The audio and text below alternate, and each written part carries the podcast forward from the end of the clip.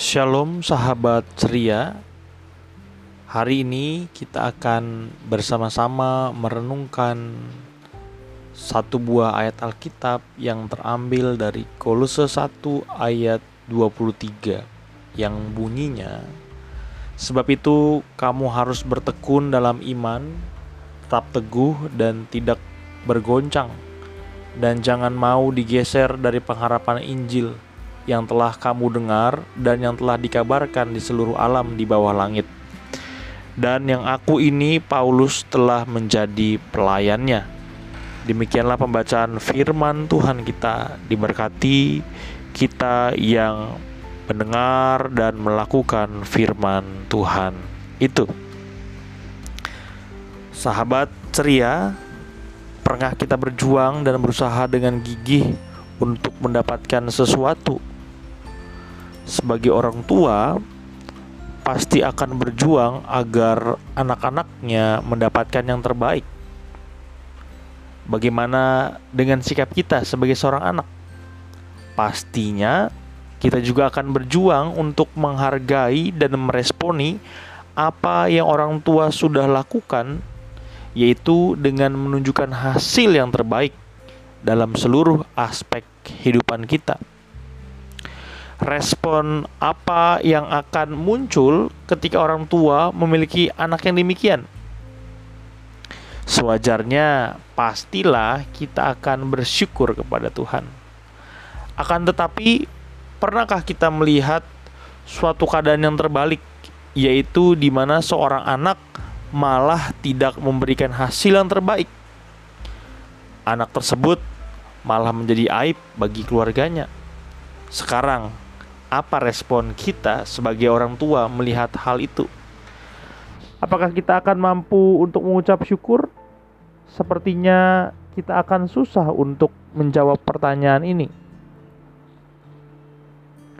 Firman Tuhan yang kita baca hari ini ingin mengajak kita untuk merespon apa yang sudah Tuhan Yesus lakukan untuk kita ia telah melepaskan kita dari kuasa kegelapan dan memindahkan kita ke dalam kerajaan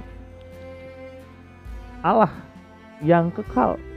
Di dalam Dia kita memiliki penebusan, yaitu pengampunan dosa.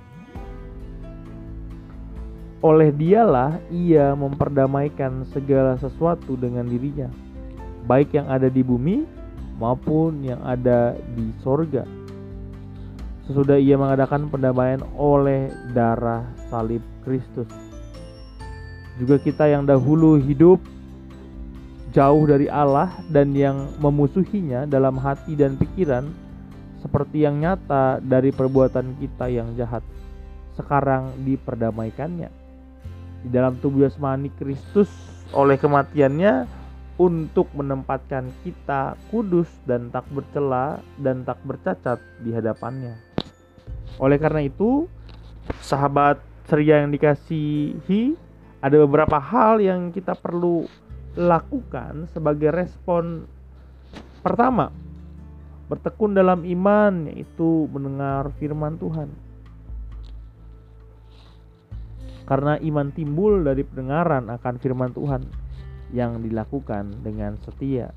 Respon yang kedua yaitu kita tetap teguh dan tidak bergoncang. Artinya ketika masalah hidup datang, kita tetap bertahan. Respon yang ketiga, jangan mau digeser dari pengharapan Injil yang telah kita dengar. Karena sudah banyak orang yang telah bergeser dari Injil oleh karena dunia menawarkan kenikmatan hidup. Melalui tiga hal ini, baiklah kita pada hari ini mengambil respon yang tepat yaitu bertekun dalam iman. Demikianlah renungan singkat ini. Kiranya ini menjadi berkat bagi kita. Mari kita berdoa. Bapa Surgawi, kuatkan kami untuk bisa bertahan dalam iman kepada putramu yang kudus. Amin.